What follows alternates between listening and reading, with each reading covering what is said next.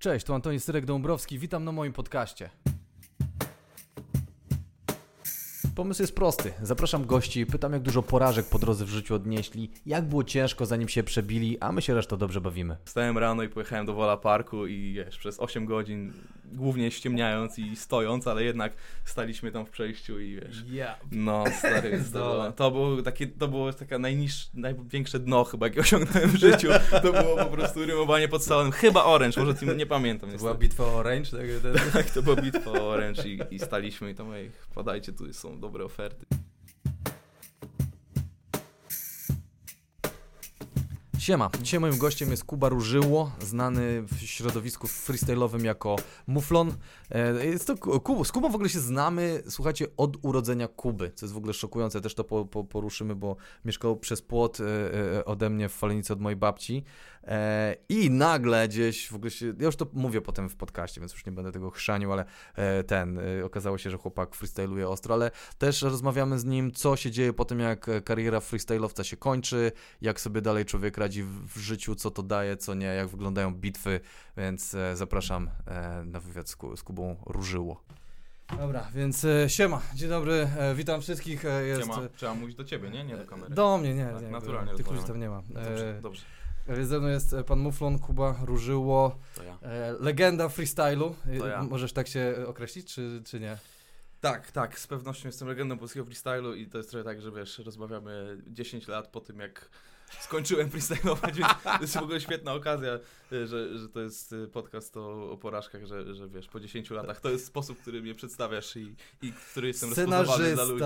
E, człowiek e, no, kreatywny ogólnie, człowiek piszący, kreatywny. zajmujący się wszelkiego, wszelkiego no. rodzaju e, twórstwem, komediowym też, nomen omen. Tak, tak, ale wiesz co, powiem Ci, że jak na początku mnie zaprosiłeś do podcastu i no. zacząłem, kto u Ciebie występował, to miałem taką refleksję, że kurwa, co ja tu robię, same takie sławne postaci, ale właśnie potem pomyślałem, że ej, to właśnie co oni tu robią, ja tutaj powinienem.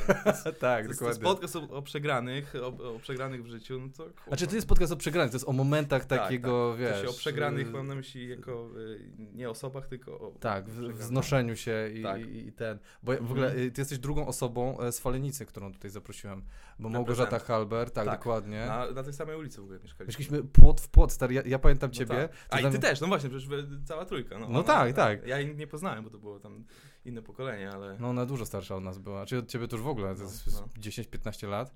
Ej, ja ciebie pamiętam, jak byłeś takim dzieciakiem chodzącym, co jeszcze nie mógł mówić i nagle jest takie bach, jest 20 lat później i słyszę, I już ty... umiem mówić. Tak, i umiesz, i umiesz I freestylować, jesteś mhm. ten. I moje pytanie jest, e, zaczynające to wszystko, skąd się wzięło wejście do, do freestylu? Nie? Że jak zaczniemy od porażek, że, że ten, mhm. że jesteś młodym człowiekiem i, i co cię skłania do czego? Dlaczego poszedłeś w polski Dlaczego, dlaczego poszedłeś, nie, we freestyle, e, tak. Tak, wiesz co, to są jakieś takie nie ma jakichś takich super fajnych odpowiedzi na to pytanie. Są jakieś naturalne rzeczy, które cię przyciągają w życiu, że jedni lubią sobie, nie wiem, pływać kajakiem, ktoś inny lubi słowa. Ja, ja byłem taką osobą, która od dziecka lubiła słowo, lubiła rymy, bo bawiłem się tym. W ogóle przypomniało mi to, przypomniał mi to ostatni jakiś kolega z czasów właśnie podstawówki, że że napisałem jakąś, jakieś e, właśnie rymowane przedstawienie w drugiej podstawówce, więc takie kurde. Co? Jak o tym myślę teraz, to w ogóle wiesz, moja, moja, mój proces edukacyjny w ogóle nie był jakiś zachwycający, a tu nagle sobie rzeczywiście przypomniałem, że takie coś miało miejsce. No. Więc po prostu zawsze lubiłem rymy, zawsze jakoś mnie do tego ciągnęło. Gdzieś kiedyś usłyszałem po prostu, że coś takiego się dzieje. Yy, najpierw oczywiście kultura hip-hop, rap i tak dalej, które też mnie zafascynowało tym, że, że, że to słowo było ważne. Wtedy jeszcze mając tam 15 lat, to te słowa raperów wydawały się bardzo mądre i, i, i ciekawe. Teraz trochę to inaczej wygląda z perspektywy czasu. No ale nie, ale, ale tak na serio, no to jakby y, ta, ta, ta, ten sposób y, przekazu y, mi jakoś podo podobał mi się, imponował i też jakoś właśnie przypadkiem natknąłem się na jakieś freestyle. Najpierw wiesz, oczywiście słyszałem jakieś freestyle Ostrego, bo to był taki, taka postać, która mm, pierwsza się przebiła z tego rodzaju formą wyrazu. Ale to nie był jakby ten freestyle, który mnie fascynował, bo on jakby był bardziej, bardziej takim muzycznym, ego-tripowym freestylem, w którym jakby bardziej chodzi o, o rytm, o, o takie jakby zaproszenie do tego swojego świata, który idzie za rymem. A mi bardziej się podobały takie rzeczy, które potem słyszałem gdzieś, nie wiem, u dużego P na przykład, że, że więcej jest w tym jakiejś treści, nie? że więcej jest w tym jakiejś takiej właśnie błyskotliwości komediowej i, i, i tego rodzaju właśnie um, tego rodzaju freestyle mnie zafascynował. No i jakoś tak naturalnie w to poszedłem. To też jakby z, z punktu widzenia czasu wydaje mi się dosyć ciekawe, jak patrzę na to, jak, jaką jestem osobą, że w ogóle miałem wtedy odwagę do, do tego rodzaju jakby działań, nie? Że jakby bo to jest jakby dosyć hardkorowa rzecz, żeby, no. żeby się przemóc, nie? Żeby wejść na scenę, wziąć mikrofon, zarymować do, do setki ludzi i coś, co w ogóle jest improwizowane. I, i jak tak na to patrzę z dystansu czasu, to tak się zastanawiam, kurwa, jak, jak w ogóle, jak dziecko 16-letnie miało do tego w ogóle odwagę i podziwiam się za to, że w ogóle ten, bo dzisiaj nie mam w sobie jakiś taki dużo mam w sobie jakichś takich blokad związanych ze wstydem i tak, tak dalej. że no. masz więcej teraz niż ten? Tak, tak, tak. To jest dziwne, nie? No bo teoretycznie to powinno mnie jakoś zahartować tego tak. rodzaju formy, ale nie wiem, no to może wiesz, człowiek z czasem jakoś obrasta w różnego rodzaju lęki i, nie wiem, no. Ale, ale więc, więc to jest dla mnie jakaś odległa postać, która to zrobiła, ale cieszę się, że to, że to zrobiłem i, i dało mi to sporo satysfakcji, chociaż tak jak ci mówiłem przed chwilą, no, że to jest trochę tak, że jak, jak teraz mam na siebie patrzeć przez ten pryzmat, to jest trochę tak, bym się chwalił, że byłem, wiesz, dobry na SKS-ie w piłkę. No to jest jakby A, okay. działanie z dzieciństwa, z jakiejś młodości. Nie była to też dziedzina, umówmy się, aż tak bardzo konkurencyjna. Bycie, bycie najlepszym freestyle'owcem w Polsce, nie wiem, top 10 nigdy nie było jakąś wielką sztuką przy całym szacunku. Co? Dla, Naprawdę? Dla ludzi, którzy byli w top 15 albo dla 11. Ja cię pogłośnię, wiesz, bo ja mam wrażenie, że ja mówię głośniej, a ty okay. masz dalej mikrofon, ale ty okay. się czuj komfortowo tam bądź, tylko że Spróbuję. chcę, żeby ludzie... O, Zawsze dobra. lepiej, ale... Nie, spoko, się telep jest luz. Czyli e, czekaj chwilę, jak to, że to nie jest wielką sztuką e, bycie freestyle'owcem? Ilu, ilu was tam było? E, no właśnie wiesz, no to kwestia tego, ile ludzi się bierze za, za, Ta konkurencyjność wynika z tego, ile ludzi się zajmuje daną dziedziną. Mi się wydaje, że wiesz, ile ludzi mogło freestyle'ować w Polsce. Kilkaset, kilka tysięcy w porywach, no to jakby... I to też nie jest tak, że nie wiem, czy największe umysły pokolenia brały się za freestyle, czy to jest ta rzecz, czy to jest ta rzecz, której chcesz po prostu nie wiem, no przy całym szacunku do wszystkich, kurwa, kocham wszystkich moich kolegów freestyle'owców. E, trochę, trochę żartuję, ale trochę nie, no w sensie, że wiesz, no, by, oczywiście bycie najlepszym w jakiejkolwiek dziedzinie zawsze wymaga jakiś tam e, jakiegoś tam talentu i tak dalej, ale, ale powiedzmy sobie szczerze, że bycie w top 15 polskiego freestylu w jakimkolwiek momencie nie było jakąś niesamowitą sztuką. No. To jest ale dużo to schematów jest... w tym jest. Dużo jest Jak to schematów? No wiesz sobie, jesteś samym improwizatorem, więc, więc sam No tak, też, ale ja nie że, rymuję. Nie? Że improwizowanie w dużej mierze bazuje na wielu rzeczach, które są bardzo stałe, nie? I no. że, że bycie dobrym improwizatorem wymaga właśnie opierania się na jakichś silnych fundamentach, więc freestyle, wiesz, no freestyle jest taką dziedziną, która też przez to yy, wydaje mi się, że naturalna tendencja jest, że ludzie odchodzą z freestylu, nie? Że jakby nie ma ludzi, którzy freestylowali 15 lat temu i teraz nadal są aktywni. Tak mi się przynajmniej wydaje, że, że wszyscy, no. że to jest jakby taki etap, bo, bo to jest jednak schematyczne i ciężko jest przeskoczyć w pewnym momencie mm, tę konwencję, która mm, jest jakoś tam nużąca, no, że jakby dochodzisz do, do jakiegoś momentu, w którym, w którym jesteś dobry i, i ta konwencja nie pozwala ci zrobić dużo więcej, nie? że to jest jakby w dużej mierze jakaś zabawa frazeologizmem, skojarzeniami i to jest jakby no ciężko to przeskoczyć, no. Bitewny A, freestyle, no. Bitewny? No, no tak, no bo to jest jakby, wiesz, bitwa bitewny freestyle bazuje na rymowaniu na drugi wers głównie, czyli to jest jakby mm, rymowanie w taki sposób, żeby była puenta w, dr w, drugim wersie, więc pierwszy wers jest często dosyć bezsensowny, jest bardziej podkładką pod drugi. No tak, wystawienie sobie piłki po tak, prostu, wystawienie sobie piłki. No i też, i też wiesz, no, taka retoryka, która powstaje na, na, na, bazie chwili, też nie, nie, jest jakaś super skomplikowana, nie? To są bardzo no. powierzchowne rzeczy, to jest odbijanie się właśnie, ktoś powie coś o koniu trojańskim, to ty mu odpowiadasz, że ty waliłeś konia. No, wiesz, no są jakieś takie... no, są jakby...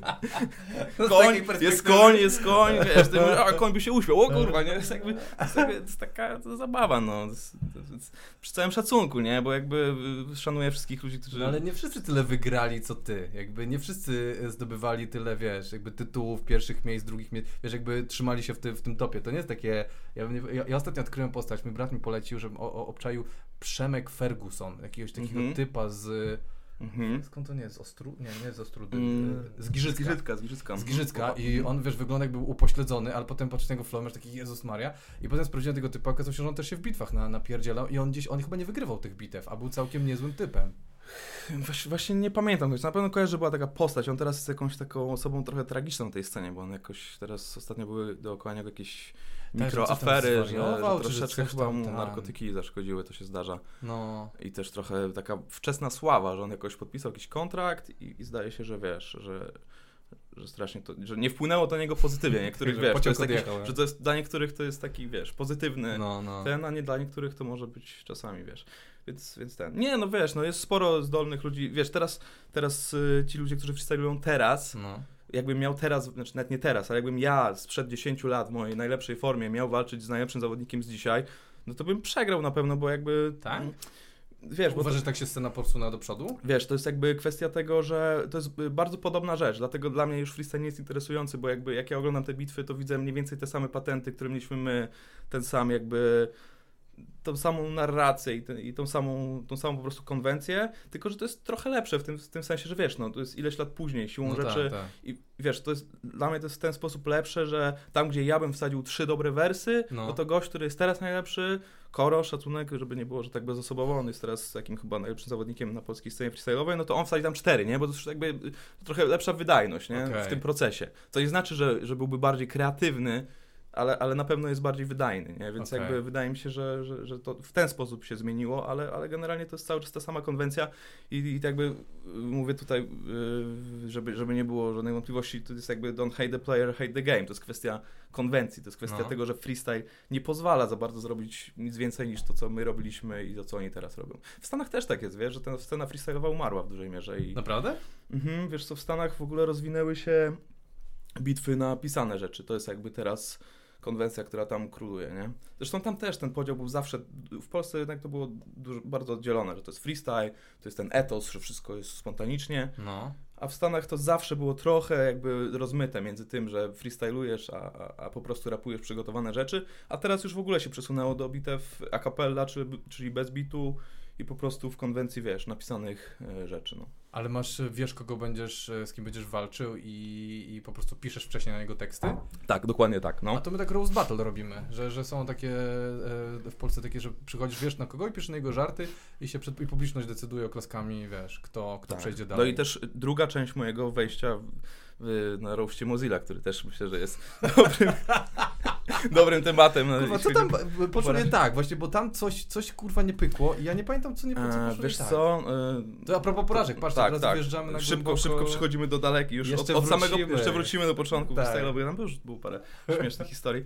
E, Roast Mozilla, no to jest taka pechowa sytuacja, że to jest mój najbardziej znany występ i jeden z najgorszych. Nie, ale, ale, ale wiesz co, e, to było tak, który to był rok? Nie wiem, to było z 14? 2014, 15? No max, ale mi się wydaje 14 bardziej. Być 14, okej. Okay. No. Mógł być 14, więc ja jakby za, przestałem freestylować aktywnie w 2009. W 2008 mm. wygrałem ostatni raz w BW, ja mam tak. 33 lata, jakby ktoś myślał, dlaczego ten 16-latek mówi o tym, że...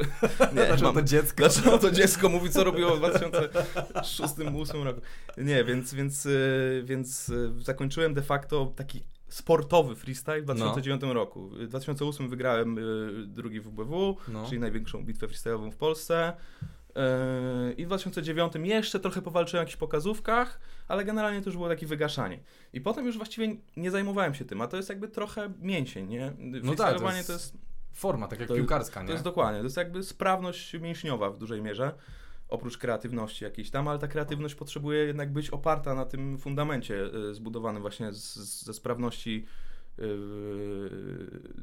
w szybkim rymowaniu i tak dalej którą się trochę wytraca. No i to było tak, że pamiętam, że trochę wystąpiłem z dwa chyba razy z wami jako hofesinką. Tak, z, przy improwizacjach, że ty freestylowałeś. I to w ogóle wychodziło graliśmy. zajebiście, miałem poczucie, że to było takie, no. że, że, że, to nie był jakiś super freestyle wtedy, no bo to już było takie właśnie popłuczyny po tym takim naprawdę dobrym, skillsowym freestylu, ale też umówmy się, że taki freestyle w konwencji klubu komediowego nie musi być aż tak sportowo wyżyłowany jak ten freestyle bitewny. Tak. Bardziej chodzi właśnie o jakieś tam luźne, luźne komediowe zabawy. I no wydawało mi się, że to wyszło... inna forma, bo to też jest e, tam, jakby ty nam dajesz pożywkę, więc my wszyscy ci kibicujemy, jesteśmy razem, a tak. w roście jest też troszkę taka bitewność w tym, powiedzmy. Tak, I, i, ale wiesz, mia, miałem w ogóle takie nastawienie i poczucie, że jakby tam wyszło mi to zajebiście no. i że wchodzę na wasz teren tak. i, że, i że w ogóle to na luzie, nie? Że, że to będzie spoko, ale że zrobię tą część freestyle'ową i zrobię tą część właśnie napisaną e, rap battle'ową, właśnie taką.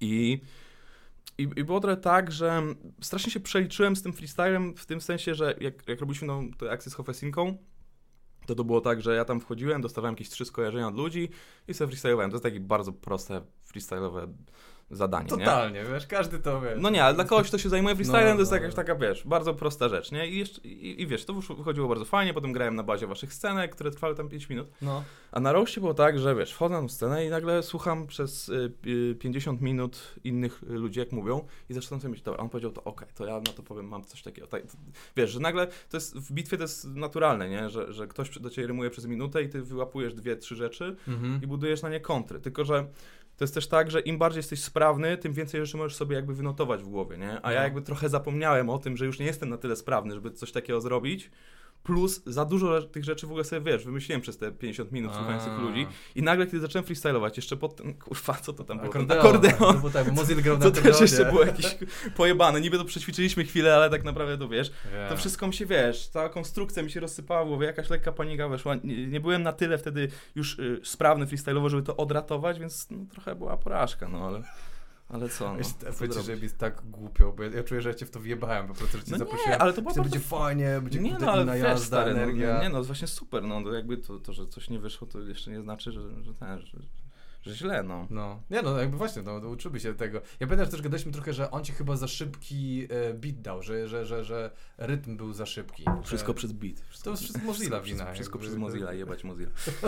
nie, no, więc wiesz, no, tak wyszło po prostu, ale nie jest to miłe wspomnienie. No wiem, jako, wiem, jako tak samo, nie, ale właśnie, ale widzisz, stary, no jakby to nie jest twoja wina, to jest jakby moja wina, że mogłem też podejść do to trochę inaczej. Ta część napisana też mogła być lepsza, mm, ale to też było trochę tak, że wtedy pracowałem sobie w jakiejś e, agencji reklamowej i wiesz, powtarzałem to sobie w kiblu przed występem jeszcze, w, mm -hmm. żeby sobie zapamiętać. Mogłem to, wiesz, prze, e, przećwiczyć z jakimiś ziom, ziomkami, a w ogóle potraktowałem trochę w taki sposób, że a, na ludzie to zrobię. Będzie i, dobrze. A potem się okazało, że, że wiesz, że, że tym razem nie. No.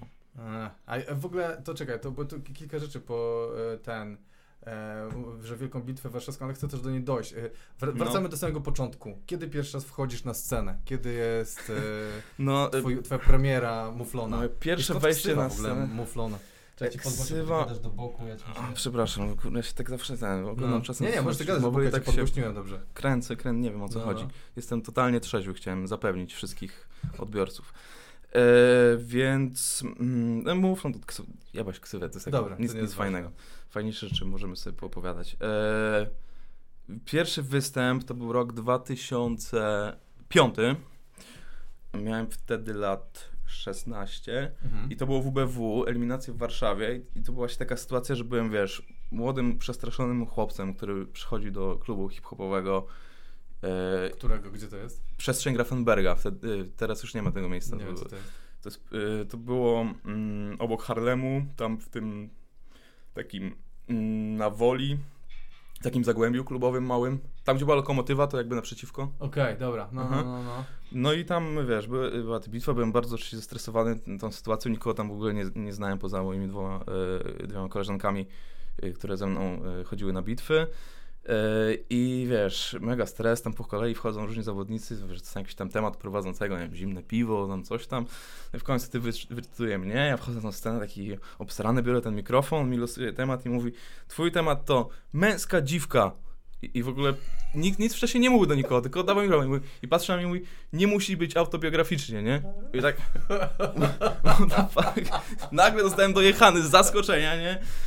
No i co one tam zarymowałem, nie wyszło to zbyt dobrze, ale to jakby takie pierwsze koty za płoty i, i potem już, nie wiem, jeszcze jedna, dwa, y, jeden, dwa występy na jakichś bitwach gdzieś tam i już tak powiedzmy przy czwartym to już miało ręce i nogi, to była kwestia właśnie przełamania jakiegoś tam stresu i, i, dyskomfortu związanego z tym, że przemawiasz do dużej liczby osób, a potem już poszło raczej szybko i, i no niestety jest okres, w którym nie ma porażek. Nie ma porażek. Przez jakiś czas jest. No to ty musiałeś być dobra, nie ma, że to jest łatwe, kurde stary. Ja byłem, e, bo my robimy czasami testy w lokalu na Mokotowie i nie wiem, czy wiesz, tam jest podziemie freestyle'owo bitew, bitewne. Tak, bo to chyba Teodor w ogóle, nie wiem, czy znasz ogarnia. Nie, nie, nie, nie znam. Znajomy ze starych czasów. Yy, no to możliwe, bo tam, e, jak my mamy open mic'i na, na tej małej salce na górze, to oni mają w małej salce na dole mm, ten, e, takie bitwy, tam się zbieram w kółeczku, ja tam sobie wszedłem kilka razy mhm. i oni tak rapowali, że ja mam takie, no ja bym poćwiczył z tydzień i bym był w stanie, kurde, wiesz, i, i jak, jak to wyglądało, bo tam było z 20 kolesi, jedna jakaś dziewczyna taka, wah, wah, taka, wiesz, taka mhm. wściekła, gdzieś za nimi stała i tam ich e,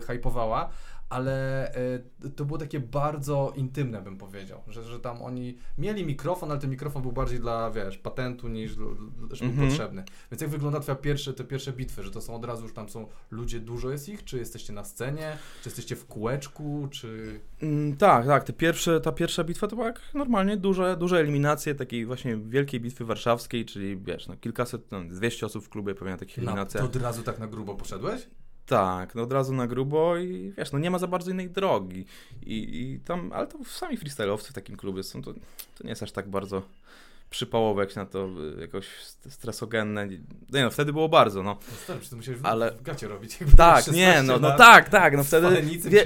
Nie, nie, już nie, mieszkałem w Warszawie, już wtedy okay, mieszkałem blisko w ogóle tam na Ochocie, e, ale, więc mój, mój rewir, nie? Okej, okay, dobra. nie, ale, ale, no, no tak, no wiadomo, więc jeszcze ci mówię, że wchodzę na tą scenę i, i dostaję temat atak systemem prowadzącego, to w ogóle było bardzo wytrącające z jakiejś tam z komfortu. No. no ale spoko doświadczenie. No bardzo jestem z siebie dumny w ogóle jak z tego dzieciaka, którym teraz sobie myślę, że 16-letniego, który o pójdę, będę rymował, będę raperem, że to jest takie śmieszne, kurwa, jak się nad tym zastanowisz, nie? E, że, że, że, będę realizował marzenie i będę, będę, będę tutaj wygrywał bitwy. No, no urocze to jest, no i udało się i zajebiście. No a, a proces, wiesz, no proces jest taki, że poznaję, poznaję na tych bitwach jakichś ludzi, którzy rymują i jakby no, jak to w każdej dziedzinie życia, ten kontakt z innymi, ta rywalizacja na co dzień jakaś taka zdrowa i wspólne rozwijanie się poprzez treningi, no to jakby owocowało, no. Jak, jak to treningi? To się umawialiście razem i trenowaliście No tak, mieliśmy takie, mieliśmy takie miejsce w Warszawie pod Pałacem Kultury, które jest jakby ikoniczne dla środowiska freestyle'owego. A, właśnie zapisane, że tutaj ustawki pod Pałacem Kultury, tak, że ty byłeś tak. organizatorem tych ustawek. No, w sensie nie, byliśmy jakby gronem, które je, je, organizowało, można powiedzieć. No, ustawialiśmy się po prostu tam. Byłem, jestem z pierwszego pokolenia, które to, yy, które to robiło rzeczywiście. No i tam żeśmy, wiesz, spędzili mnóstwo godzin i to po prostu dawało wymierne efekty na bitwach, bo tak naprawdę, wiesz, z tego środowiska sporo osób się przebiło jakby w tej freestyle'owej jakby scenie, nie? Okej. Okay. I y, gdzie są porażki? gdzie w tym wszystkim, gdzie w tym wszystkim są, są porażki? porażki? No bo jak na razie, dobra, czyli jesteś młodym 16-letnim typem, wjeżdżasz na scenę, pierwsze cztery ci nie idą, to jest normalne, jak na tak. open mic'i, nie? Bo tak, takie tak, no. ten, ale kurde, stres nie wyobrażam stresu, ja improwizuję, my współpracujemy ze sobą. Mhm. Jak miałbym się stresować, że mam kogoś pojechać i oni mi jadą, jest cała grupa ludzi, którzy cię oceniają, to jest, yy, nie wyobrażam sobie tego. No i, i gdzie są, gdzie, gdzie zaczyna się ta porażka?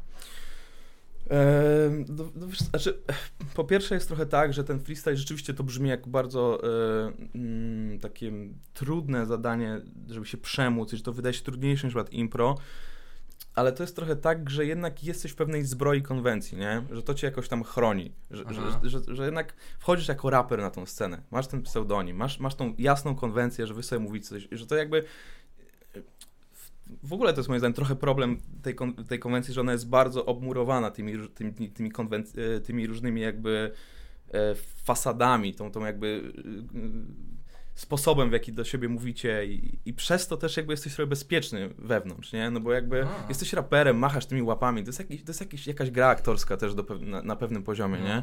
Więc jakby ten, ten stres jest duży, ale jednak ma to ujście w, ty w tym właśnie, w tej masce, którą, którą zakładasz, że jesteś nagle raperem na scenie, nie? Tak mi się wydaje. A co do porażek, które następowałem, to Mm, wiesz co, no oczywiście to jest, to jest trochę taka rzecz, że nie jesteś w stanie wygrywać wszystkich bitew, więc, więc, e, więc przegrywałem trochę też w tej swojej aktywnej karierze. Yy, I wiesz, przyjmowałem to bardzo boleśnie, po pierwsze ze względu na, na, na ego i, fakt, że po prostu nie lubię kurwa przegrywać. I... Nikt nie lubi, jak jesteś 16-latkiem, to tym bardziej, kurde, że No, no potem 8. Tak, tak, no ale wiesz, no jedni lepiej sobie z tym radzą, no. bo wiesz, no widać, że grasz grę planszową, to widzisz, że ktoś kurwa nie może znieść tego. No to ja jestem tą osobą, która wiesz, jak tak? przegrywa pierdolę, to nie mogę, no wiesz, więc jakby... A co więc... robiłeś, jak przegrywałeś? No nic, no co miałem co robić, no. Nie wiem, nie pobiłem nikogo. No ale nie wiem, poszedłeś się nawaliłeś, waliłeś pięścią w ścianę czy coś. Ja kiedyś ci się przyznam, e, podrywałem cały wieczór e, dziewczynę w jednym klubie w e, kamieniołomach kamieniołomach Mhm, i mhm. Słynnych. e, odrzuciła mnie po tam kilku tam godzinach podrywu. Chyba nie, nie był ten. Ja wróciłem do domu najebany i wiesz co zrobiłem ze wściekłości? Skasowałem wszystkich znajomych z Facebooka. Kompletnie naprawdę nikt mnie nie kocha. Historia jak debil, jak kompletny debil. To nie, to bardzo, bar- bardzo mocne, ale nie było jeszcze Facebooka, więc może, ale grono miałem wtedy, ale nie skasowałem nikogo.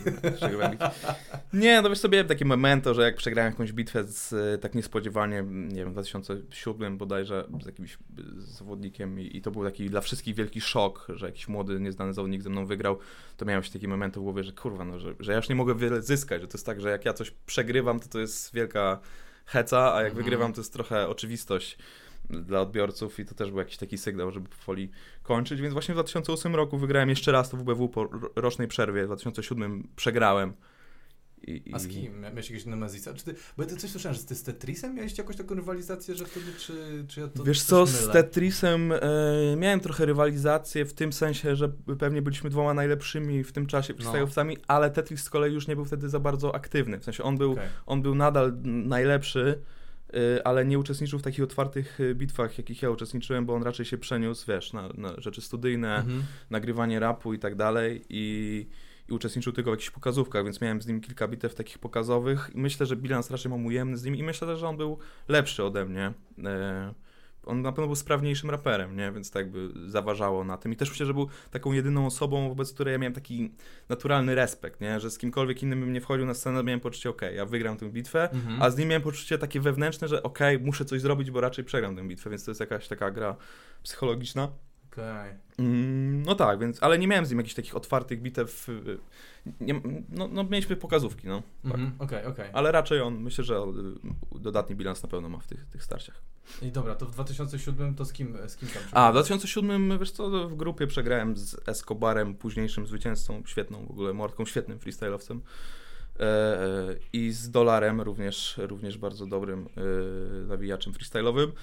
W grupie z nimi przegrałem i odpadłem w grupie, w finale, w sensie, czyli w tej top, w top 8 jakby odpadłem ten. Miałem wtedy poczucie, że mnie oszukali sędziowie, ale wiesz, to jest takie trochę... No ja tak, wiem, ale y, czasem może być sprawiedliwe, bo... Ludzie, którzy nie lubią przegrywać, to wiesz. No właśnie, znajdziesz Tłumaczą. sobie- tak, tak. więc- Bo kiedyś e, ten, z Hofesinką właśnie byliśmy na takich impro turniejów w Gdańsku, to mieliśmy takie poczucie, że sędzia tak wyciąga, że widownia klaszcze na nas, a on tak, no jeszcze tutaj jest prawdziwy, bo jest grupa z Gdańska, by, by, by. i wiesz, i nas tak przepuścił, i mieliśmy takie, ty, kutasi, się zamknęliśmy w pokoju, w ogóle e, trudno to znieśliśmy, znieśliśmy, więc ja wiem, że takie, ten wyrok, wyrok w sensie Tym bardziej, że to jest ten- bardzo subiektywne, nie? No dokładnie, Nie? no, to właśnie chciałem powiedzieć. Tak to uważasz, że jesteś lepszy, no to ciężko cię przekonać komuś, że, że nie byłeś lepszy, nie? No właśnie, właśnie, ten. E, I ten, i, e, e, i właśnie też inne pytanie moje do, do, do freestylu. Czy freestyle jest takim e, jakby krokiem do rapu? Że w sensie takim, że jesteś freestylowcem, a potem wjeżdżasz w ten, albo że to jest jakąś inną odnogą? Bo na przykład w Stanach jest tak, że improwizatorzy są przez jakiś czas improwizatorami, a potem odbijają się do karier filmowych, do Mhm, mhm. e, SNL-a, do różnych takich, wiesz, sketch showów, czy pisania i tak Tak. dalej, i tak dalej, że jest jakiś takim ka- y, krokiem w kierunku. I się zastanawiam, czy freestyle ma tą samą cechę, czy... Wiesz co, no wyjściowo, nie? Teoretycznie tak jest na takim poziomie, że, że tak to trochę brzmi, że to jest taka ścieżka kariery, że przebijasz się pokonując, że jakby hip-hop jest generalnie taką, czy był, taką bardzo rywalizacyjną y, subkulturą i jakby ten, ten element tej bycia lepszym od kogoś był w tym etosie rapera zawsze istotny, więc jakby te bitwy były ich, ich, ich funkcja taka legendarna jest właśnie taka, że ty wiesz, wygrywasz na Brooklynie na swoim kornerze, więc potem możesz iść gdzieś tam i to wszystko prowadzi do kontraktu. No ale to jest jakaś tam, wiesz, narracja bardziej yy, teoretyczna niż, niż praktyczna. Chociaż rzeczywiście, wiesz, no, da, daje to jakąś rozpoznawalność, więc w tym sensie yy, jest, jest takim krokiem do bycia raperem, ale, ale nie jest tak do końca, dlatego że mm, bycie dobrym freestyle'owcem bitewnym wymaga jakby innego, inny set of skills jest potrzebny niż Mhm. e, rapera studyjnego, nie? Że jakby bycie raperem freestyle'owym to jest bycie po prostu e, kreatywnym i szybkim, nie? Jakby Mhm. taki błyskotliwość, w sensie taki szybki refleks, nie? I jakby kombinowanie. A bycie dobrym raperem studyjnym, no może nie jest to samo, co bycie muzykiem, nie? Ale jednak jest w tym dużo więcej jakbyś elementów y, wyczucia rytmu i też y, mm, co innego być dobrym punchlinerem, wymyślać fajny tekst na poczekaniu, a- co innego jest sprzedać jakąś fajną opowieść i nie wiem, no też jakieś elementy wizerunkowe. No w sensie, że to jest troszeczkę inny rodzaj umiejętności. Nie jest tak do końca, jest trochę taki mit, że, że freestyle'owcy nie potrafią rapować, ale to jest bardziej kwestia tego, że po prostu yy, nie wszyscy, nie wszyscy freestyle'owcy się nadają do rapowania, nie? To tak? jakby, no tak, wow, no bo to jest jakby, no, nie no, bo mówicie, że to jest jakby zupełnie inny rodzaj umiejętności jest potrzebny do dwóch tych a, ja myślę, że to jest taki no. podzbiór trochę, że masz zbiór cały rapowania i jednym z podzbiorów jest e, freestyle. No nie, to właśnie, właśnie tak nie. Znaczy teoretycznie tak jest, a, oczywiście, teoretycznie tak jest, ale praktycznie to są jakby trochę inne, inne umiejętności. Poza tym jeszcze jest, wiesz, ten drugi aspekt, że, że mówiłem ci przed chwilą, że to jest jakby tak, że to jest ta ścieżka kariery, ale teraz na przykład jest tak, że już nie ma takiej naturalnej ścieżki kariery w hip-hopie, jakby przez to, że jest internet i tak szybko można wypłynąć i w ogóle jest trochę tak, że od jakiegoś czasu jest jest moda na nowe twarze, na młodych raperów, no. na gość, że, że, już nie jest tak jak przed, nie wiem, 15, 15 lat temu, że yy, nagrywałeś pierwszy numer, wysyłałeś go komuś, przebijałeś się jakoś, tak, tylko teraz jest tak, że wiesz, że dzieciaki wrzucają pierwsze trzy numery, nagle się okazuje, że mają miliony wyświetleń tak. i nagle, wiesz, z dnia na dzień już są na tej pozycji, więc nie potrzebują tego mozolnego wchodzenia, nie ma potrzeby jakiegoś budowania rozpoznawalności innymi ścieżkami, bo to jakby działa, dzieje się jakoś samoistnie, nie? No Mata jest świetnym przykładem, moim Mata, zdaniem. Mata, tak. Najbardziej jaskrawym chyba ostatnio, jaki ja kojarzę, ja się nie znam na hip-hopie, że on, wiesz, jeden kawałek wydał i, i koniec. Już tak, jest, Mata, Mata, jest... Mata jest dobrym przykładem i jest też fajnym przykładem, bo jest bardzo zdolny i... A to prawda, jest, jest posłuchałem jego innych kawałków i on, to są, e, fajnie one są zrobione.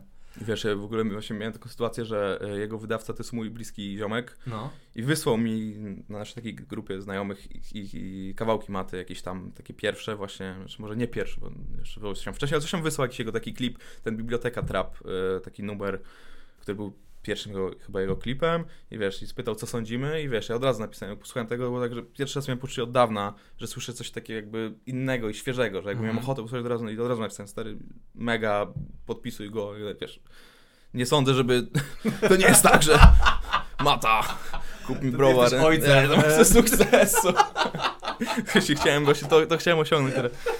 Ale wiesz, no jakby, że, że, że, też od razu czułem, jak tylko usłyszałem o gościa, no. też od razu czułem, że to będzie coś, że to jest bardzo ciekawe, nie? Że, że to jest coś innego, jakiś inny rodzaj, yy, sposób mówienia, inny język, nie? Mhm. I, I, super, no więc, więc cieszę się. No fajnie, gdybyś miał takiego screena, że tam napisałeś, ty super, to jest jak jakby pato, inteligentny gościu, jest taki, je, taki screen jeszcze. No, no, Mata no. to przeczytał, genialne, biorę to i jedziemy z tym. No i masz sukces, nie wiesz. Tak, wtedy. już chyba trzeci raz to publicznie mówię tą historię, więc to jest ważny element moich, wiesz, no ostatnich... tożsamości twojej tak, w tym tak. momencie. Tam jebać bitwy, matę stworzyłem. Tak, tak, wyszu... wyszukuję młode talenty. No, no. no i co, w 2008... Wygrałem tą e, bitwę znowu, żeby wrócić do zwycięstw na chwilę i, i stwierdziłem, że już starczy, bo ja się miałem takie poczucie, że, że wiesz, że, że ta presja mnie jakoś tam trochę spala, że już nie mam ochoty tego robić, bo właśnie więcej mogę na tym stracić niż zyskać. Bo byłeś na takiej pozycji, że wygrana jest oczywista, tak, a przegrana tak, no, jest byłem takim, o, przegrał tak, ten. Tak, to był taki Strasznie moment. chujwa pozycja w sumie, tak jak się, tak jak się no, na tym zastanowić. Dlatego, dlatego zrezygnowałem z tego, no. I co, I co dalej robisz? Jakby idziesz w hip-hop, czy idziesz... E, mm, no właśnie... Jak się, jak się od, e, odnajdujesz? Bo czy to się tak, że ty zbudowałeś sobie tożsamość wokół bycia freestyle'owcem, że ej, jestem tym gościem, rap i tak dalej, nagle bach, musisz... E, inaczej, nie musisz, chcesz inną drogę życia znaleźć, czy jak to robisz? No właśnie, kurde, wiesz co, było tak, że trochę miałem jakieś plany, żeby być raperem, I, ale właśnie widzisz, zawsze kwitowałem je w ten sposób, więc jakby wielu moich kolegów potraktowało to poważnie i niektórym z nich to wyszło bardzo fajnie, innym nie wyszło to może za bardzo, ale jakoś tam próbowali. A ja właśnie miałem też jakieś takie podejście do tego trochę lekceważące, że, że wiesz, że trochę nie doceniłem gałęzi przemysłu, jaką stanie się hip-hop. Też nigdy nie miałem końca takiego podejścia zarobkowego i tak dalej. Zawsze miałem jakieś takie poczucie, że, że to jest jakaś zabawa i jakieś no. hobby. I nie potraktowałem tego dość poważnie. Poza tym miałem jakieś takie mentalne problemy właśnie z tym, że... Mm, że, że, jakoś tam bałem się tej konfrontacji, nie? Bałem się, wiedziałem, że, że nie mam do tego takiego naturalnego drygu jak do freestyle, że musiałbym włożyć to sporo pracy, mhm. e, żeby jakby, jakby na polu właśnie muzycznym powiedzmy żeby to jakoś było rzeczywiście na takim wysokim poziomie i trochę się bałem z tym konfrontować, nie? to jest jakaś taka właśnie cecha ludzi, którzy przegrywają, nie? Że zamiast bezrefleksyjnie, jakoś tam mówiąc negatywnie, a mówiąc pozytywnie, jednak z jakimś zaparciem, z hartem ducha gdzieś no. kro, przepraszam, kroczy, kroczyć do przodu, to ja miałem jakąś taką ucieczkową naturę, więc wiesz, odkładałem te plany, zacząłem robić trochę jakieś zupełnie inne rzeczy niezwiązane z, z tym i to się jakoś rozmywało. I, I, wiesz, miałem długo te plany, one tak uciekały, uciekały, aż w końcu się rozmyły totalnie. nawet byłem podpisany z moim kolegą na, wy, na wydanie płyty procentem. Pozdrawiam e, go serdecznie i skończyło się na tym, że wypuściliśmy jakby taką epkę, która była stworzona jakby z takich archiwalnych rzeczy, bo już stwierdziłem, że dobra, już jest rok 2000, który to już był? 18? Właśnie tak pamiętam, bo pamiętam, Więc to już było, to było z 8 lat później, nie? No. Więc, więc to był taki trochę stracony czas w pewnym sensie. A na pewno jeśli chodzi o, ten, o tą rzeczywistość hip-hopową. Yy, I, I wiesz, stwierdziłem, że dobra, już tak tego nie wypuszczę, nie zrobię z tym nic, to wezmę archiwalne rzeczy i, i wypuśćmy, niech, niech, niech sobie pozostanie coś takiego, yy, co, co, co gdzieś tam zrobiłem, ale też nie promowałem tego za bardzo, miałem takie właśnie poczucie, wiesz, że, że to są jakieś archiwa, że to nie jest coś, czym chciałbym mhm. wyjść do ludzi i powiedzieć, ej, zobaczcie, to jestem ja, to jest mój hip-hop. Okej, okay, czyli mhm. masz taką, ja nie wiem jak to nazwać, taki reset, e, szukasz siebie, że to co robisz przez te 8 lat, że, że bo jesteś, wiesz, e, ja, ja tutaj ciebie znam, bo wiem, że pisałeś dla SNL-a, jeszcze inne masz projekty scenariuszowe mhm. w, w, tym momencie w toku, o których nie możemy mówić, ale całkiem powiedziałbym, że zajebiste, ale no szkoda, że nie możemy o nich pogadać. a ten, a, a co, co robisz przez te 8 lat, że nagle przekształcasz się w tym kierunku? Słuchaj, no ciekawostka jest taka, że zacząłem grać w ogóle w karty profesjonalnie. To był taki... A tak, ty byłeś pokerzystą jeszcze, Przez chwilę tak, byłem, no, przez chwilę byłem e, pokerzystą, to trwało jakieś mniej więcej z dwa lata, tak jakby kalendarzowo, że siedziałem w domu i grałem w karty, wiesz, w, w pokera. I się utrzymywałeś online. z tego? I się utrzymywałem z tego, ale to była tak walka, wiesz, w ogóle było tak, że to jest, to jest też taka akcja, że, że jak coś mi przychodzi łatwo, to idę w to i, i, ten, a z pokerem było tak, że bardzo go lubiłem, ale jakby nie szło mi to tak dobrze, nie? No. Na przykład mój bliski ziomal, który, wiesz zaczynaliśmy mniej więcej w tym samym czasie, on to traktował dużo poważniej, też jakby trochę miał większą pewnie presję, żeby osiągnąć sukces niż ja. E, ale, ale wiesz, on był mega w tym zdolny i doszedł, wiesz, do poziomu kosmicznego, nie? W sensie, że takiego topowego, światowego. Jest bardzo zamożnym człowiekiem i, i powodzi mu się i fajnie.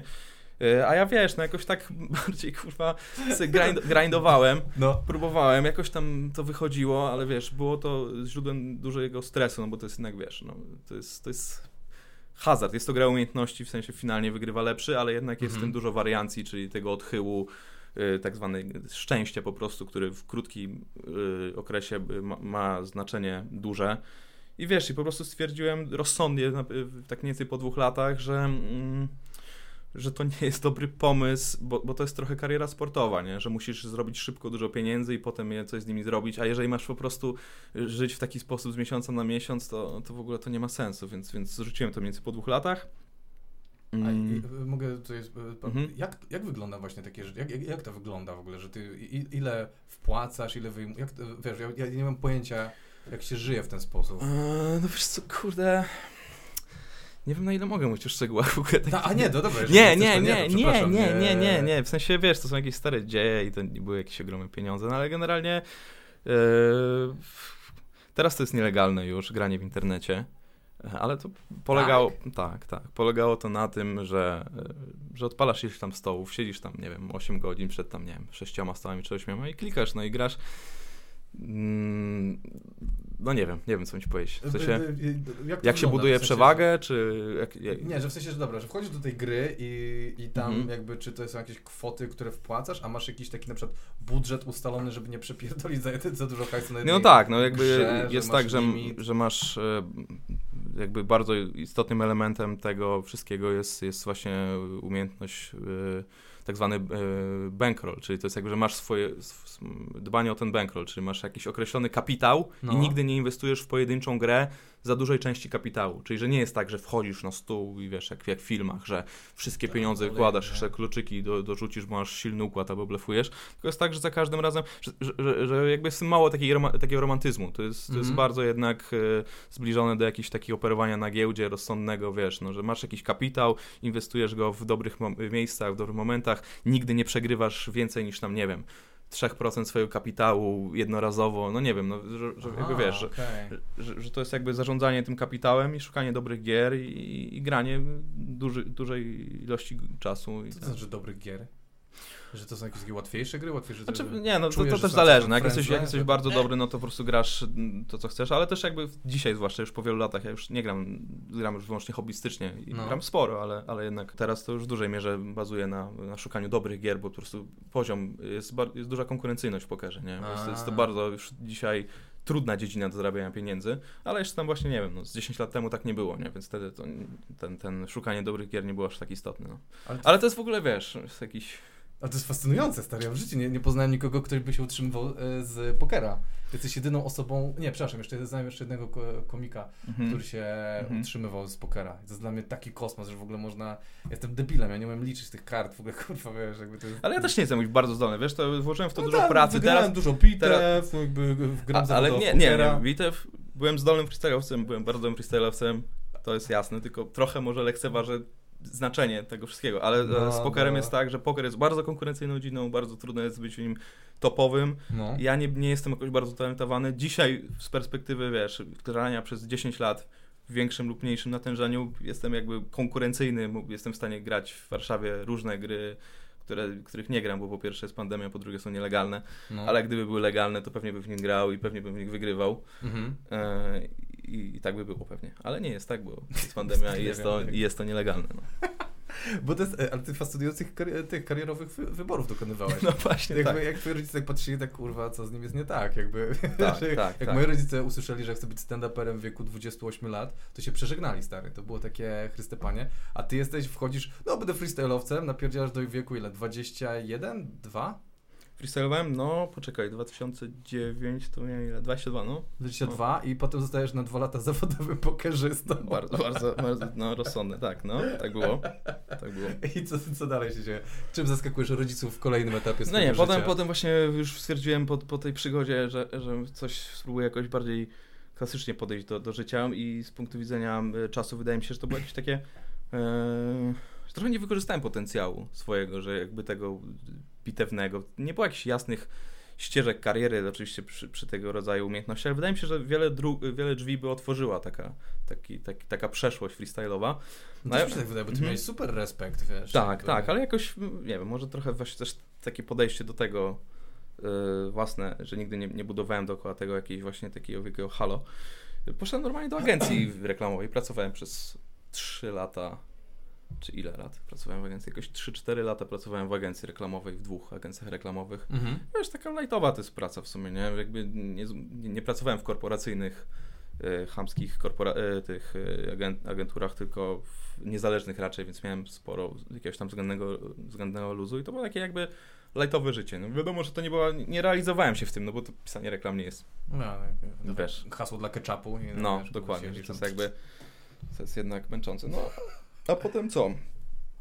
Ale ciebie tak biorą z, z, z, ulicy, że przychodzisz, mówisz, siema, jestem Kuba, jestem freestyle'owcem, chciałbym pracować e, jako, jako e, copywriter? nie, nie, nie, w ogóle poszedłem jakoś drogą e, polecenia, że, że mój, mój szwagier pracował w jakiejś agencji, tam A, miał znajomości okay. i tam potem powiedziałem, że co, co robiłem, więc to też jakby było ten, a jakoś tam spoko, nie? No ale to nie ma w tym jakiejś sexy historii w pracy w agencji tak? reklamowej. Nie, nie ma porażek, e, tak. że żeście coś żeście spieprzyli Ale w ogóle, poczekaj, bo kazałeś mi zapisać yy, różne, yy, kazałeś, prosiłeś. Kazałem, tak, to, kazałeś, to, to, żebym jakiś warunek, żeby porażki i przypomniałem sobie taką anegdotę i zapisałem sobie yy, z czasów freestyle'owych jeszcze. No. To była niezła historia. To już było właśnie mniej więcej rok 2009, jak już przestałem być takim aktywnym freestyle'owcem, to nie ma większego znaczenia. I było coś takiego, że zadzwonił do mnie pewnego razu duże P, uznana postać w świecie. No i tam on czasem załatwiał jakieś joby, nie? On był mm. zawsze bardzo taki ogarnięty. On jest teraz menadżerem piłkarskim. No, to jest Ale też ciekawa ścieżka czy, kariery, czy co? normalnie? Nie, normalnie jest. Tak, naprawdę? Tak, łączy różne. No on jest takim człowiekiem renesansu, on robi dużo różnych rzeczy, jest, wiesz, e, DJ-em, no, no stary, myślę, że na pewno jest ciekawym rozmówcą. E, I myślę, że jako menadżer piłkarski też ma dużo fajnych porażek i, i dziwnych historii. No. E, więc on zadzwonił któregoś razu i że, że ma jakiegoś joba tam, że trzeba coś tam w jakimś centrum handlowym. E, to był taki okres życia, że ja dużo melanżowałem, taki byłem trochę zamieciony. No ja tam mówię, dobra stary, spoko, a kto to robi jeszcze? Mówię, no tam w innym miejscu będzie taki, nie chcę powiedzieć raz ksywy, bo to jakby trochę jest przypałowa sytuacja, więc taki ziomek, no. a ja mówię, a ona, to wiem, znam, to jest mega fajny gość, wiem, szan szanuję, że jak on coś robi, to ja też to mogę zrobić. I wiesz, mm. on dobra, to wysyłam ci na maila informacje i tam wiesz. No ja to oczywiście olałem i zapomniałem o tym temacie, no i tam przypominam sobie o tym jakoś tam na dwa dni przed że wypadałoby się dowiedzieć, co my mamy robić, no i wchodzę w tego maila i okazuje się, że, że wpierdoliłem się w akcję pod tytułem w jednym z centrów y, handlowych otwierają y, salon Orange chyba? No. Czy czegoś w tym stylu? Chyba w Wola Parku. I że mam być takim zaganiaczem, nie? Że mam mikrofon i mam stać w tym holu i freestylować i mówić, ej, sprawdźcie, to są zajebiste telefony, wpadajcie w ziomu, nie wiesz. No.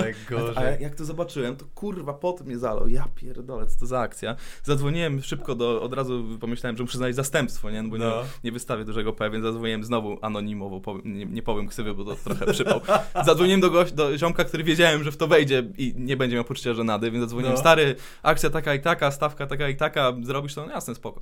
Więc dzwonię do dużego paymu, mówię, stary, nie, no nie ma opcji, żebym to zrobił, no ale on uniósł się i, i słusznie, no, że jakby miał to, miałem być ja, bo jakby była prezentacja na ten temat, no jakby, że, że, że to byłoby nieprofesjonalnie, więc jakby mhm. uzgodniłem, finalnie, uzgodniłem z nim finalnie, że dla żeby mi było trochę łatwiej, to pójdziemy we dwóch z tym ziomkiem, co się zgodził. I we dwóch rzeczywiście, stary, wiesz. I to jeszcze była akcja, to był dzień po finale WBW, który prowadziłem, bo już wtedy nie startowałem. Na takim hardkorowym kacu wstałem rano i pojechałem do Wola Parku i wiesz, przez 8 godzin, głównie ściemniając i stojąc, ale jednak staliśmy tam w przejściu i wiesz. Yeah. No, stary, to, było, to było takie, to było taka najniższe, największe dno chyba, jakie osiągnąłem w życiu. To było po prostu rymowanie pod salem. Chyba Orange, może nie pamiętam. To była bitwa Orange? Tak, tak to była bitwa Orange i, i staliśmy i tam, ej, podajcie, tu są dobre oferty. Nie, no to było po prostu... to, był, to było... Ale to chyba każdemu się tego zdarza, że ja, ja Hałtura. To, hałtura. Ale to była hałtura nad hałtury, to już było coś takiego, wiesz. Tak? Nigdy nie, nie padłeś niżej? Niżej nie, no nie, no, ale ma, można. Ja grałem kiedyś z Zomowca na imprezie firmowej. no ale wiesz, no grałeś Zomowca. To jest... No, grałem Zomowca, tak, mieliśmy, bo był tam e, komunistyczny, perelowski klimat i tam e, be, be, ten, dziewczyny były przebrane za takie sklepowe, takie wiesz, takie baby z mięsnego, a my byliśmy za Zomowców jak ludzie nie chodzili tam, powiedzmy, że mieli o 15 obiad, to myśmy ich pałami za, zaganiać. I ja po występie w HBO, po występie w Comedy Central już mam, jestem komikiem, no i pan Zomowiec za tam, nie wiem, 200 zł, czy jakieś takie gówno. No tak nie no, to... Hałtura to jest dobry temat, nie? Oj, hałtura, jest... tak, firmówki w ogóle, Jezus Maria, co się złego tam robi. A freestylowcy są wy, wy, wynajmowani na coś takiego? No coś tam było, ojej, jeszcze sobie jakąś... Ale no nie, no były jakieś takie historie i ale ta była najbardziej przypałowa. Nigdy ten rynek jakoś się super nie, nie, nie ten, nikt chyba tego nie, dobrze nie, nie ogarnął, ale, ale też udało mi się już w pewnym momencie, wiesz, wybić na jakąś niezależność i robić inne rzeczy mhm. i, i nie musiałem, a wiem, że zdarzają się jakieś takie akcje, że tam paru chłopaków jeszcze czasem pojedzie gdzieś na jakiś taki, wiesz, wyjazd integracyjny z jakąś firmą, że firmy się dzielą na na ekipy tak. i, i, i, razem piszą albo mają freestylować i wiesz, ty jesteś ich trenerem, no to są strasznie przypałowe rzeczy, no cieszę się, że wiesz, w ogóle moje życie już jest zupełnie w innym y, punkcie, nie? A jeszcze z rapowych rzeczy, bo, bo, chyba powoli idziemy gdzieś dalej, to, tak, tak.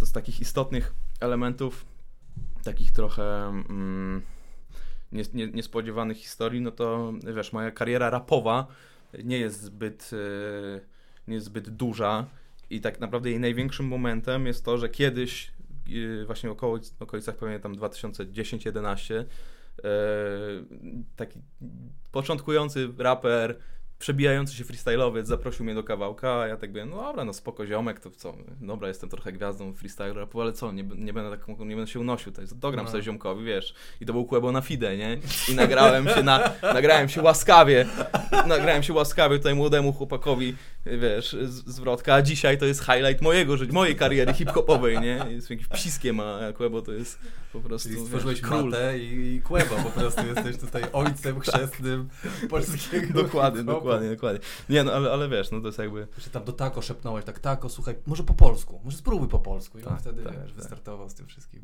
Dokładnie, dokładnie tak.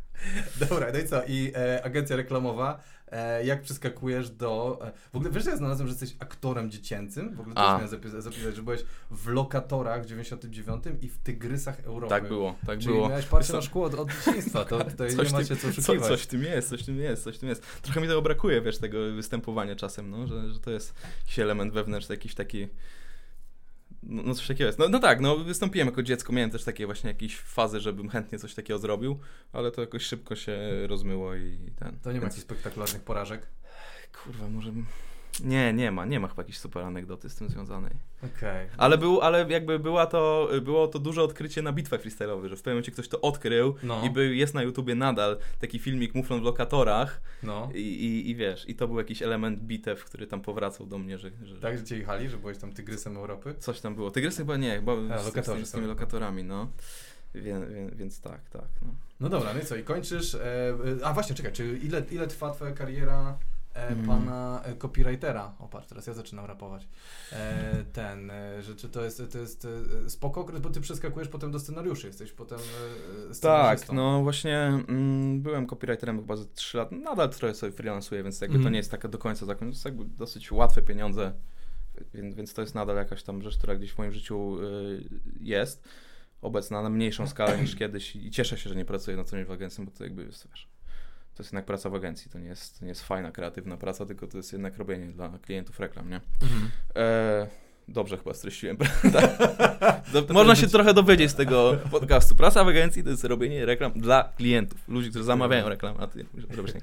Muflon wyjaśnia. Tak, więc e, wiesz co, w ogóle zaczęło się od tego, że e, moi znajomi robili e, dla Kanal Plusu pilota Night e, Show z naszym wspólnym, wspaniałym Dziubak kolegą. miał być e, prowadzącym. Dziubakiem, niezwykle zdolnym. Dziubak, tak. Niezwykle zdolnym człowiekiem i improwizatorem. Tak, z resortu komedii, pozdrawiamy. I zadzwonił do mnie znajomy, który właśnie był zaangażowany w produkcję tego Iwo.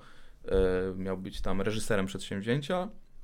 Znaliśmy się jakoś tam osobiście i wiedział jakby o moim freestyle'owej przeszłości, więc stwierdził, że może ten. Ja, ja miałem takie podejrzenie, zaskoczyło mnie to w ogóle i miałem takie poczucie, że że kurwa, gdzie ja tam, ale w ogóle się okazało, że, że całkiem dobrze mi tam wychodziło pisanie tych żartów ogólnie wiesz, ten pilot nie wyszedł jakoś super, więc to nie ma co sobie, e, nie ma co się oszukiwać. To nie było tak, że Kanal Plus się nie, nie poznał na naszym geniuszu, tylko po prostu byliśmy bardzo młodzi, to jeszcze wszystko było jakieś takie, wiesz. Dziubak był świetnym, e, jest świetnym e, komikiem, więc jakby to, to nie chodzi o niego, bardziej, wiesz, o cały, to jest, to jest trudne przedsięwzięcie też. No nie, no, no napisanie sketchy, programu, Nie, bo tam, to, znaczy tam sketchy, tam były jakieś elementy, tam były jakieś elementy, z, tam były elementy były, sketchy, były, tam Buchwald, tak, tak, Buchwald tam tak. coś robił, były jakieś tam elementy, takie, de, de, takie tak zwane desk desk jokes też były, -hmm. takie stałe elementy, nie? E, no, więc, więc to, to jakoś tam nie, nie wypaliło, e, ale, ale, ale ze mną pracował tam Filip Połoska, mhm. który jest e, uznaną postacią w świecie internetu, bo on robił Factoid, a potem teraz był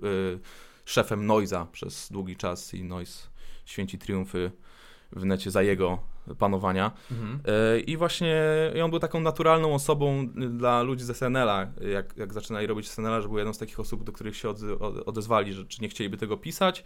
I on się tam jakoś to zaangażował w jakiejś tam małej skali, bo też chyba nie miał czasu na większą, albo nie wiem, ale polecił mnie do tego, bo robiliśmy to i, i też właśnie przyszedłem do tego SNL-a też z takim poczuciem, że kurwa, no nie mam pojęcia, jak robić takie rzeczy. No. I tam producenci mnie, wiesz, wysłałem im takie jakby żarty monologowe do Weekend Update, co czułem, że jakby robię nieźle, bo już miałem poczucie wcześniej z tym dziubakiem, że robię to nieźle.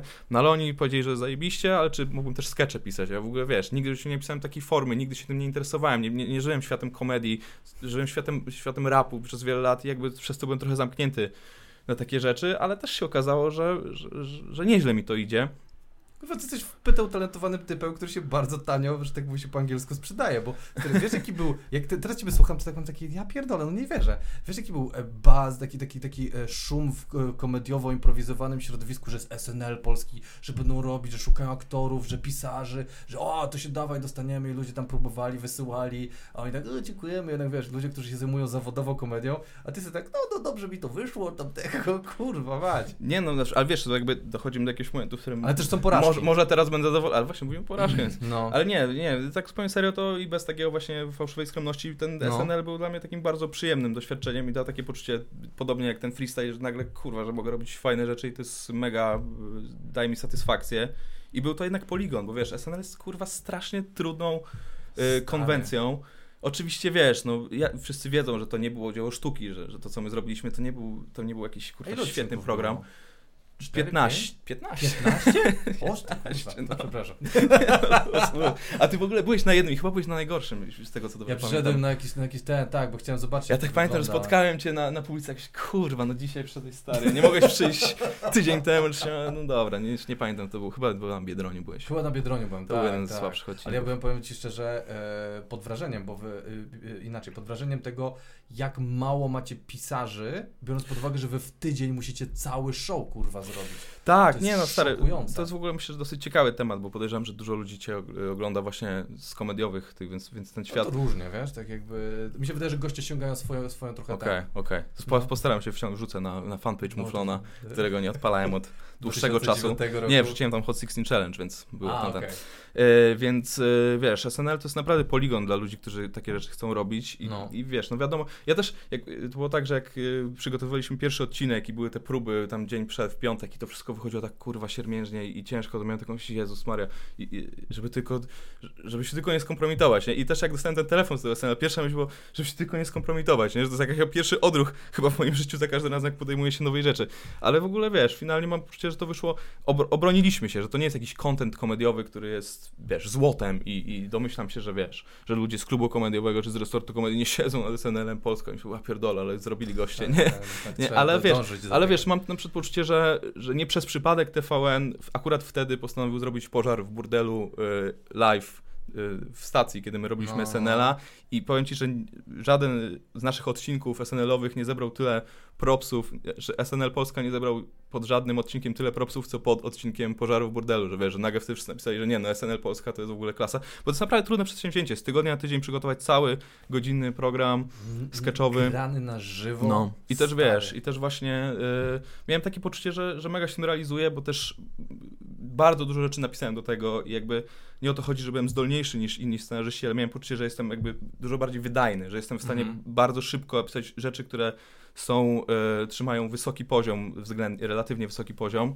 i więc w dużej mierze ten program opierał się, były momenty, w których ten program w dużej mierze opierał się na rzeczach, które pisałem i to mia, i, i wiesz, miałem taki pierwszy raz takie poczucie w życiu, że, że się jakby realizuje, że jakby nie marnuje jakby potencjału, nie? Że jest tak, że że, że ten rygor tygodniowy, w którym po prostu nie masz, nie możesz sobie, nie, nie ma prokrastynacji, nie możesz sobie odłożyć czegokolwiek, ni chuja, po prostu tak cię goją terminy, że musisz zapierdalać i, i ta wydajność wtedy była oporowa i miałem takie poczucie, że wow, że zajebiście, że, że naprawdę jestem w stanie pracować tam mega w dużych obrotach i dobrze i to było naprawdę takie bastujące ego, no. A jakim, jaki, jaki mieście schemat tygodniowy, że jakby, że, yy, bo tak, w sobotę jest emisja, nie? Mhm. Że będzie tak, bach, nagranie i co się dzieje w niedzielę do soboty kolejnej, jak, jak to idzie? No to jest dosyć wycieńczający i drenujący system. Czekaj, tylko żebyśmy powiedzieli, SNL w ogóle nie czy że to jest Saturday Night Live, czyli taki na żywo godzinny, w Stanach to jest chyba 90 minut w ogóle, tak, w, w, w Polsce było w mieście 60 minut. My mieliśmy coś max 60. No wiesz, no. to oczywiście było płynne, bo też siłą rzeczy przez brak doświadczenia to timingowanie tego nie było proste. Też te skecze miały bardzo słabe tempo, nie? Że, my, że, że jak, jak, jak, oglądam te rzeczy archiwalne, bo to się czasem wrzuca na YouTube, bo te wszystkie odcinki poleciały, tam nie ma ich, nie, zniknęło tam. Jakieś są dziwne kwestie prawne, więc tego nie ma. Wiesz, my wszyscy próbowaliśmy to zdobyć, no bo dla wszystkich nas, aktorów i scenarzystów, no to wiesz, no CV, nie? To są no rzeczy, tak. które przez, przez długi czas robiliśmy.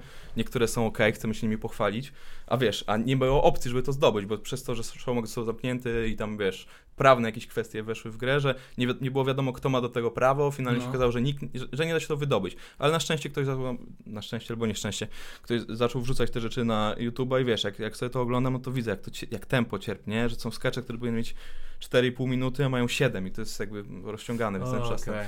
Ale proces, no proces był bardzo drenujący, ale, ale, wiesz, to była fajna nauka właśnie, no bo to było tak, że wiesz, no kończyliśmy odcinek w sobotę, afterek, w niedzielę już trzeba było myśleć o pomysłach na, na pitching na poniedziałek, już wiedzieliśmy, kto będzie nowym gościem, więc w poniedziałek rano trzeba było dać pitche na kilka sketchów, które jakoś będą ciekawe dla tego gościa z różnych powodów, nie, wiesz. No że dla Adamczyka to wiesz, e, papież jest ciekawym wątkiem. No jakby wi wiadomo o co chodzi, żeby myśleć jakby trochę gościem, trochę też czasem, jak są święta i tak dalej.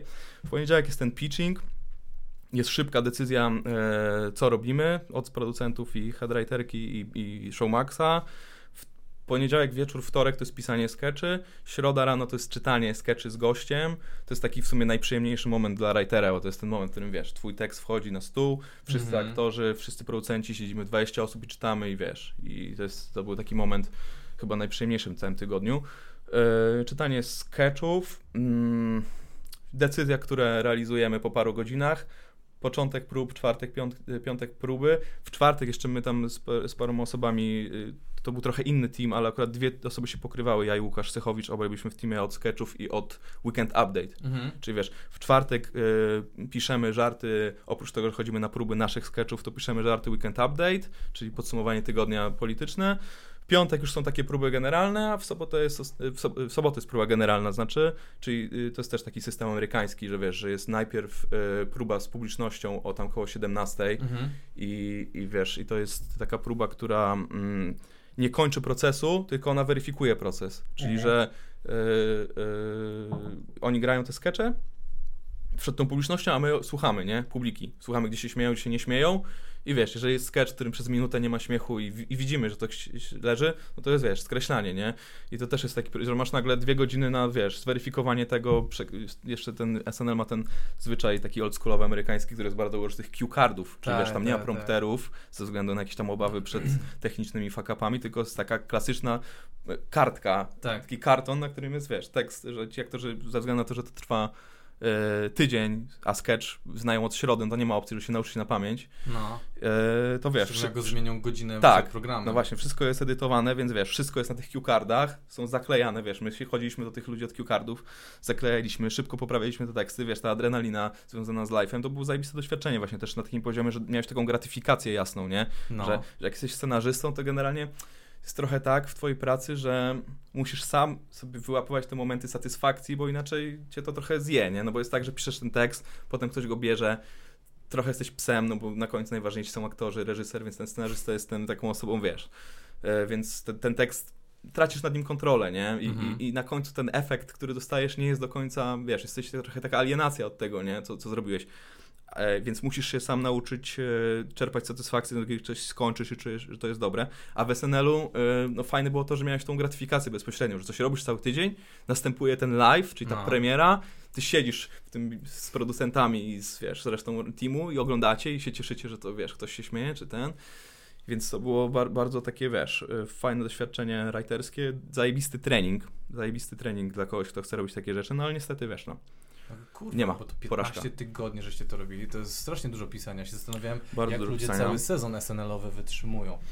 No, to nie, ba, to jest bardzo drenujące. 40 tygodni to jest 30 tygodni? Nie pamiętam, ile jest cały sezon. E, w Stanach, tylko wiesz co, oni robią takim systemem, że mm, oni robią jakoś dwa odcinki przerwa, trzy odcinki przerwa. My tak? mieliśmy jakoś tak, że mieliśmy 10 odcinków ciągiem, że mieliśmy jakoś 5, potem przerwa i, i 10 ciągiem, jakoś tak mi się wydaje. A w Stanach robią tak, że mają 3, dwa tygodnie przerwy, trzy, że mają taki rytm, wiesz, że, że trochę sobie tej higieny Okej, okay, bo ja się pracy... właśnie zastanawiałem nad tym, bo to jest, kurde, można wysią wysiąść. Tak, tak, no.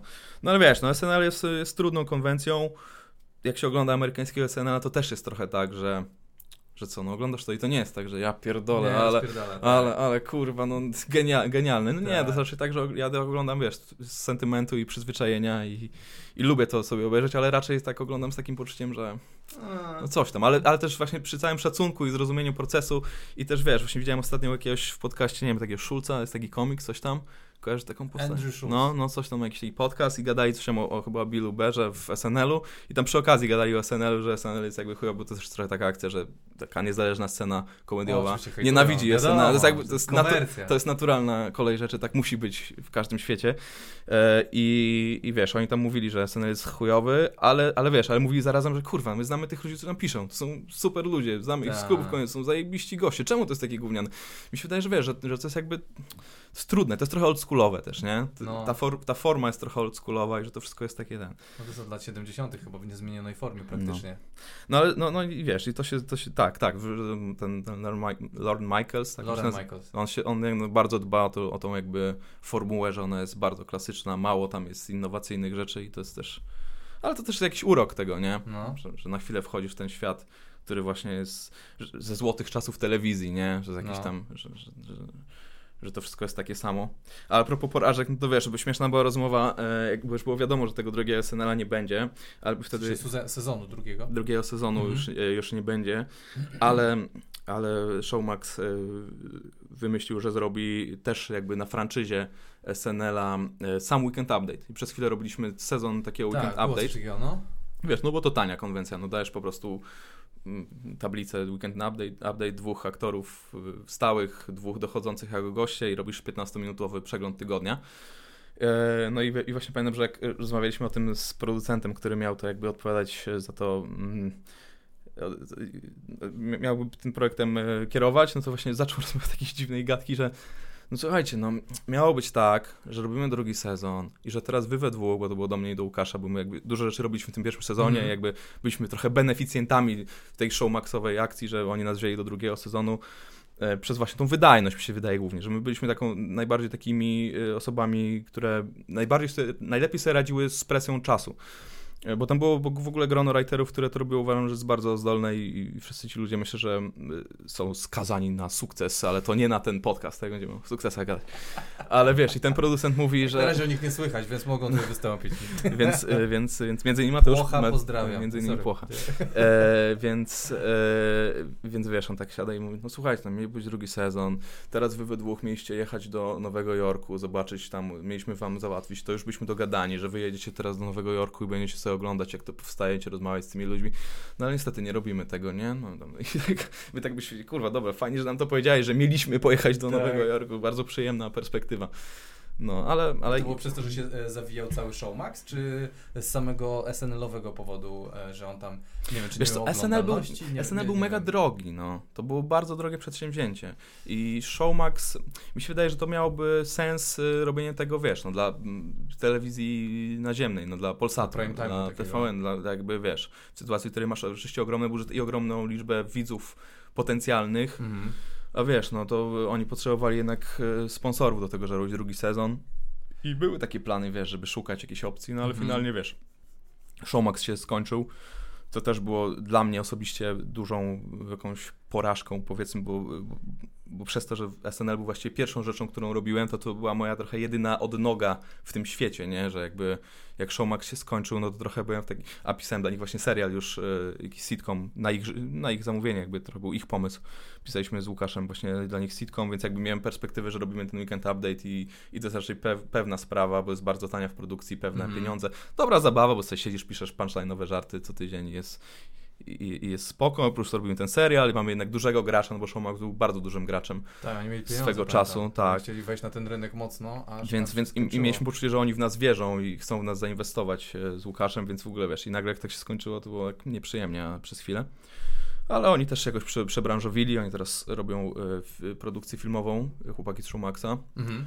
I też nas jakoś do tego ten, więc, więc napisaliśmy dla nich jakąś fabułę. Tutaj też jakiś lekki peszek się wdarł, bo, bo już miały się zacząć zdjęcia, ale przez koronawirusa zostały zawieszone na rok, mam nadzieję. Zobaczymy, nie? Ale... Teraz jest grubo, no. no. Patryk Wega chyba tylko walczy gdzieś tam ta, podobno. Tak, ta. E, czy tam walczył, nie wiem, że, że nagrywał.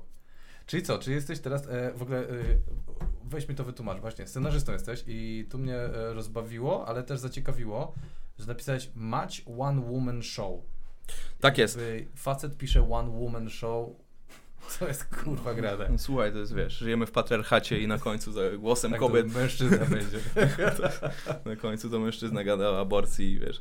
E, nie, no e, wiesz co, no to właśnie dla koleżanki z, z, z SNL-a, aktorki Karoliny Piechoty, e, pozdrawiam serdecznie, ona złapaliśmy taki flow, że ona bardzo się spodobało, że napisałem taki sketch centralnie pod nią, bo ona była w ciąży w, w ostatniej fazie SNL-a już takiej poważnej, że już była naprawdę tuż przed rozwiązaniem i miała imponujący brzuch i jakoś tam któregoś razu jakoś tam widziałem jak chodzi się wydziera na kogoś, tak rozkłada ręce i napisałem sketch o ciężarnej, która chce się trzaskać, nie, że w barze jest ciężarna i wchodzi z jakimś typem w polemikę i chce go bić i taka wiesz, i ona bardzo stwierdza, że to coś takiego mega o niej, no. w jej energii i jakby potem po SNL-u mnie poprosiła, żebym nie napisał dla niej e, takiego e, monodramu, więc napisałem dla niej ten monodram i a to jest komediowe, czy nie? Komediowe, totalne komediowe, tak. I jak? Tak. E, to już wyszło, czy, bo chyba to wyszło, bo to tak, tak, tak. z tego co poczułem. Tak, tak. Ona to grała coś w Warszawie, grała coś w Trójmieście, teraz y, taki fajny eksperyment zrobiła, że w ogóle grała to na swoim podwórku na Żoliborzu, teraz w czasie jakoś tam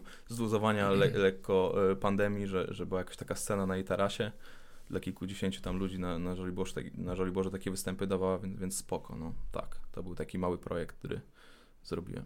A jesteś e, takim ogó to ogólnym pytaniem, tak teraz przejdę. Jesteś zadowolony z tej drogi od rapu do scena, scenar e, ten, że tak jesteś usatysfakcjonowany z tego, gdzie jesteś, czy jeszcze czegoś szukasz, jak, jak to? Mm, no wiesz co, jestem na pewno, nie jestem spełnionym twórcą, scenarzystą, jestem jakby człowiekiem, który... SNL ci nie wystarczył.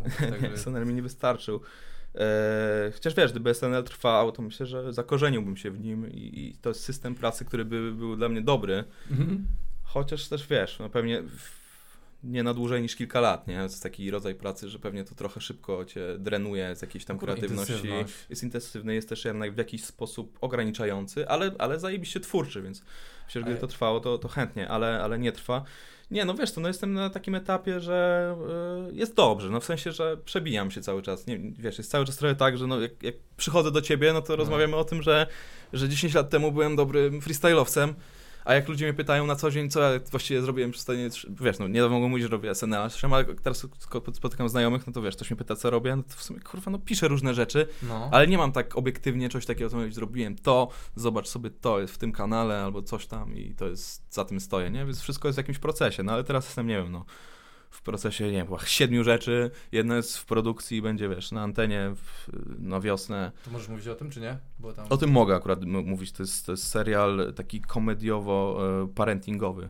Powiedzmy, powiedziałbym, że jakby jakąś referencją może być Modern Family, dlatego powiedzmy, chociaż tylko to jest o dwóch y, parach, y, które mają małe dzieci, więc to jest jakby taki parentingowy właśnie, wiesz, klimat jednak nieprzespanych nocy i, i zmagania się z małym dzieckiem.